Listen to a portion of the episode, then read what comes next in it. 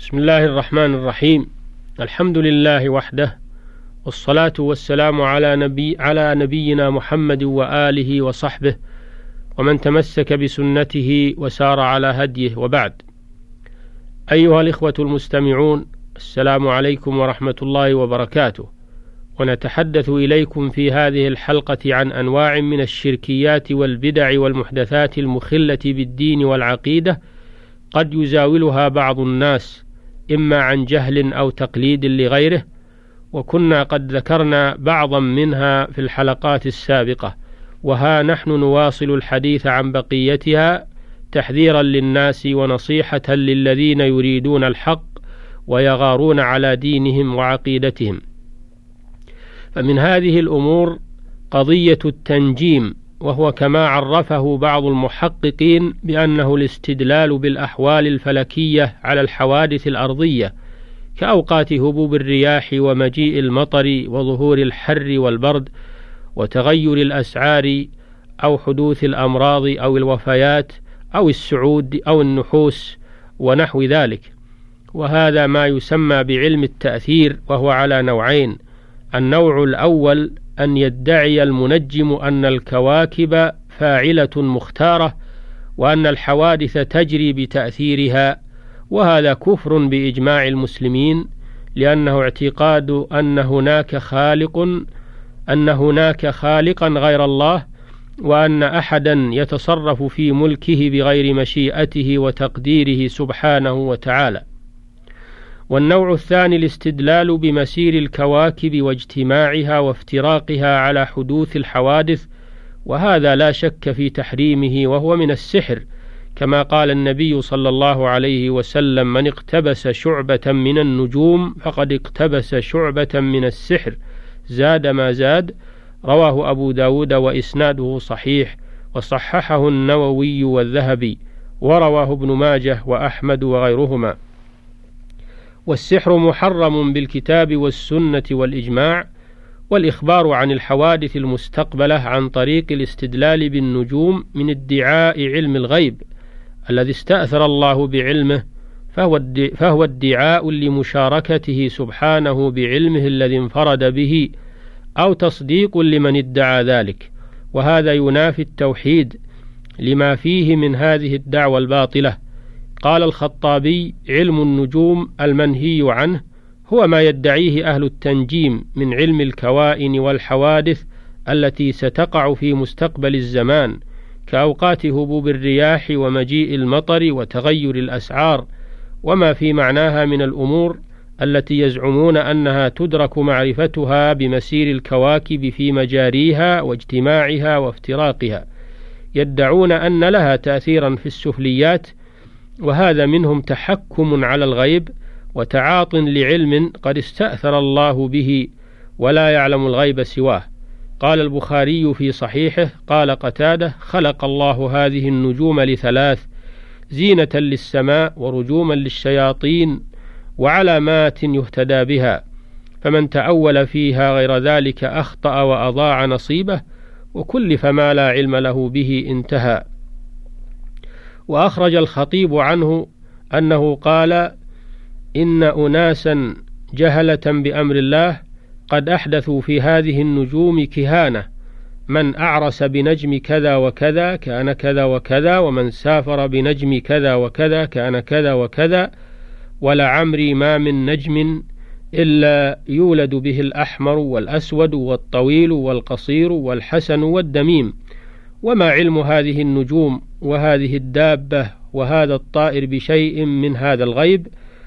ولو أن أحدا علم الغيب لعلمه آدم الذي خلقه الله بيده وأسجد له ملائكته وعلمه أسماء كل, كل شيء انتهى. وأقول ومن الخرافات الباطلة ما يروجه الدجالون في بعض الصحف والمجلات من ذكر البخت والنحوس والسعود ويعلقون ذلك بحسابات البروج والنجوم ويصدق به بعض السذج. قال الشيخ عبد الرحمن بن حسن رحمه الله في فتح المجيد فإن قيل المنجم قد يصدق قيل صدقه كصدق الكاهن يصدق في كلمة ويكذب في مئة. وصدقه ليس عن علم بل قد يوافق قدرا فيكون فتنة في حق من صدقه. قال وقد جاءت الأحاديث عن النبي صلى الله عليه وسلم بإبطال علم التنجيم كقوله من اقتبس شعبة من النجوم فقد اقتبس شعبة من السحر زاد ما زاد رواه أحمد وأبو داود وابن ماجه. وعن رجاء بن حيوة أن النبي صلى الله عليه وسلم قال إن مما أخاف على أمة التصديق بالنجوم والتكذيب بالقدر وحيف الآئمة رواه عبد بن حميد.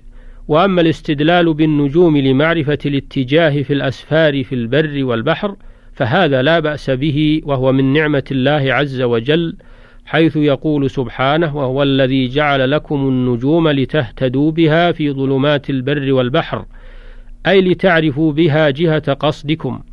وليس المراد أنه يهتدى بها في علم الغيب كما يعتقده المنجمون.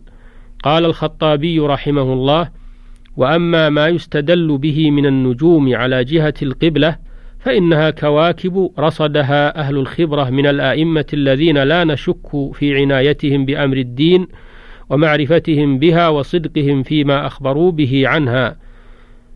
مثل أن يشاهدها بحضرة الكعبة ويشاهدها على حال الغيبة عنها فكان إدراكهم فكان إدراكهم الدلالة منها بالمعاينة وإدراكنا ذلك بقبول خبرهم إذ كانوا عندنا غير متهمين في دينهم ولا مقصرين في معرفتهم.